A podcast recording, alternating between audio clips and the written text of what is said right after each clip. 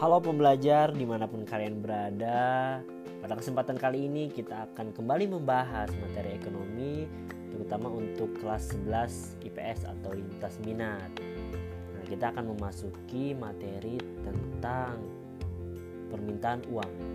Dan podcast kali ini akan membahas formula 3B Bertransaksi, berjaga-jaga, berspekulasi yang mana itu merupakan faktor-faktor yang memengaruhi permintaan uang menurut John Maynard Keynes. Ada tiga dan kita akan cek sama-sama ketiga formula ini. Yang pertama adalah kebutuhan bertransaksi. Kebutuhan ini menunjukkan bahwa fungsi uang sebagai alat tukar, sehingga kita menggunakan uang untuk membeli berbagai kebutuhan. Dalam hal ini adalah barang dan jasa. Contohnya, katakanlah uang saku kita naik, maka kita akan membeli barang yang harganya lebih tinggi atau mengkonsumsi makanan dan minuman yang lebih kekinian yang mana biasanya harganya lebih tinggi. Kita contoh, kalau misal uang saku lagi naik, pilih mana? Beli boba, minuman yang lagi kekinian atau beli es teh? Nah, pasti kita akan memilih membeli boba. Mayoritas eh, akan memilih seperti itu sehingga membutuhkan uang untuk bertransaksi. Dengan ini dapat dikatakan bahwa permintaan uang nantinya akan bertambah. Nah, inilah faktor-faktor yang mempengaruhi uang dilihat dari kebutuhan bertransaksi. B yang pertama. Kemudian kita masuk ke B yang kedua, yaitu kebutuhan berjaga-jaga. Berjaga-jaga ini menunjukkan bahwa uang berfungsi sebagai alat penyimpan kekayaan. Kenapa? Karena kalau tadi uangnya kita gunakan untuk bertransaksi, artinya itu kita keluarkan. Sedangkan kalau berjaga-jaga, maka kita akan memilih uang tersebut disimpan atau ditabung. Atau dalam hal lain, kita menyimpan uang untuk mengantisipasi biaya atau pengeluaran yang tidak terduga. Wah, contohnya apa nih? Misalnya, Ayah Beni menyimpan uang atau menyiapkan dana darurat untuk mempersiapkan kelahiran adiknya Benny.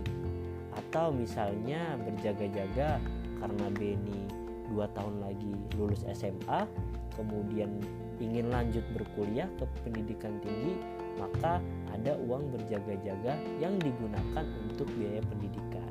Artinya kebutuhannya tidak eh, digunakan sekarang tetapi uangnya ditabung untuk berjaga-jaga nah kalau tadi itu meningkatkan permintaan uang kalau kebutuhan berjaga-jaga itu justru uh, bisa mengurangi permintaan uang. Itu formula B yang kedua.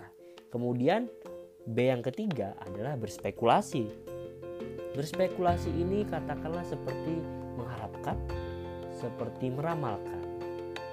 Contohnya, kalau kita ingin berspekulasi mendapatkan keuntungan di masa yang akan datang, maka kita memilih untuk membeli hal-hal barang atau jasa yang nantinya harganya diperkirakan akan naik. Misalnya beli rumah, tanah, saham, atau emas logam mulia dengan harapan harganya akan naik pada masa yang akan datang. Sehingga kalau kita jual itu bisa mendapatkan selisih atau keuntungan. Itu contohnya melakukan transaksi, tapi barangnya tidak digunakan sekarang karena motifnya adalah untuk berspekulasi, mengharapkan keuntungan. Misalnya, Aldi sekarang mempunyai uang 10 juta rupiah. Kemudian Aldi bingung karena kalau digunakan untuk bertransaksi beli barang sudah terpenuhi.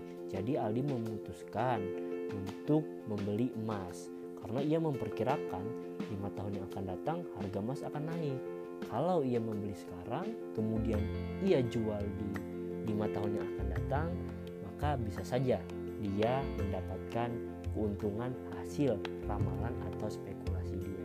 Sehingga akhirnya ia memutuskan membeli emas tidak untuk bertransaksi membeli barang dan jasa atau berjaga-jaga. Nah, itu tadi teman-teman pembelajar ada formula 3B, faktor-faktor yang mempengaruhi permintaan keuangan. Bertransaksi, berjaga-jaga, dan berspekulasi. Formula 3B ini dari tokoh ekonomi yang bernama John Maynard Keynes. Selamat belajar dan selamat menikmati sajian dari tim PPL SMA Negeri 6 Bandung, mahasiswa pendidikan ekonomi Universitas Pendidikan Indonesia. Sampai jumpa.